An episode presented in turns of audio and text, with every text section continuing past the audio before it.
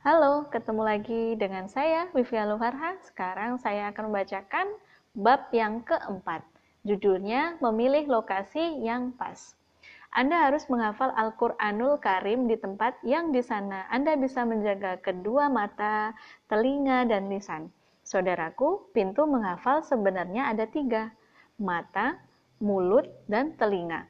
Misal saya punya kolam air yang mempunyai tiga sumber dari tempat berlainan, jika Anda membuka ketika sumbernya, maka kolam akan penuh dengan air.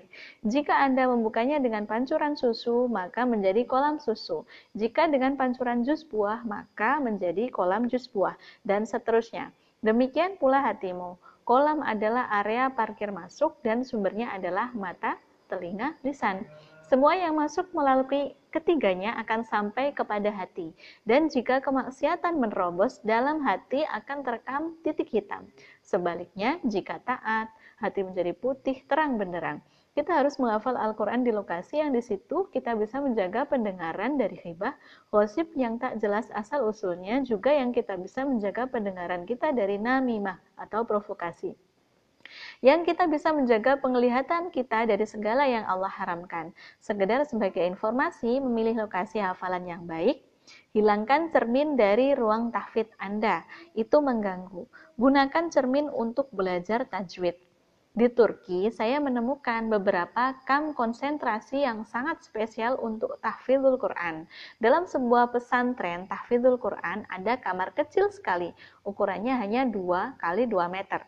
Ruang-ruang kecil ini dibangun oleh para khalifah dinasti Utsman masa kuno. Kamar itu mempunyai atap tinggi untuk membangkitkan kesemangatan. Kata orang, ruang itu khusus untuk mereka yang ingin lomba hafalan Al-Quran atau sekedar mengulang hifdul Quran. Jika bagi mereka yang punya wirid tertentu untuk menyelesaikannya, mereka dapat mempergunakan ruangan itu. Ketika saya masuk, kutemukan seorang sahabat yang sedang menderes Al-Quran. Katanya, di sini saya konsentrasi menghafal. Ini adalah prinsip kuno semenjak 400 tahun yang lalu. Dan di Masjidil Haram di sana tersedia ruang kecil. Di antaranya yang unik, Anda harus menghafal dengan tanpa cermin di ruang itu.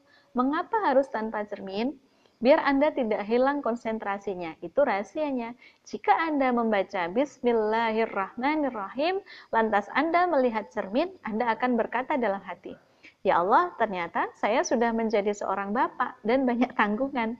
Niscaya istri saya nanti tidak rela jika saya hanya konsentrasi menghafal.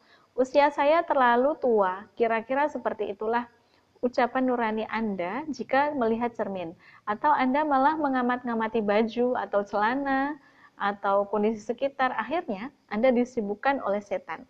Cermin ada kalanya justru mengalihkan perhatian kita untuk belajar tajwid, bukan tahfidz. Artinya, hukum bacaan tajwid di sebuah pesantren tertentu, sang guru brilian atau pengajar tahfidz menjadikan cermin sebagai alat bantu untuk belajar tajwid.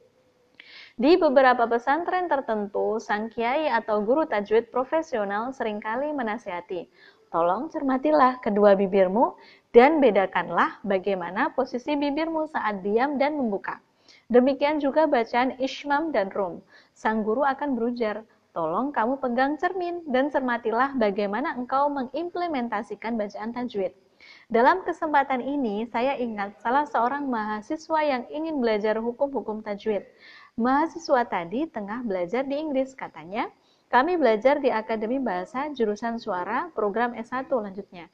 Kami belajar bahasa dan Bapak dosen selalu membawa cermin. Sang dosen selalu berujar, tataplah cermin dan lihatlah kedua bibirmu ketika diam. Niscaya engkau tahu bagaimana engkau mengucapkan atau menggerakkan bibirmu. Kukatakan padanya, Alhamdulillah saya perhatikan terhadap ilmu ini cukup lama. Terima kasih.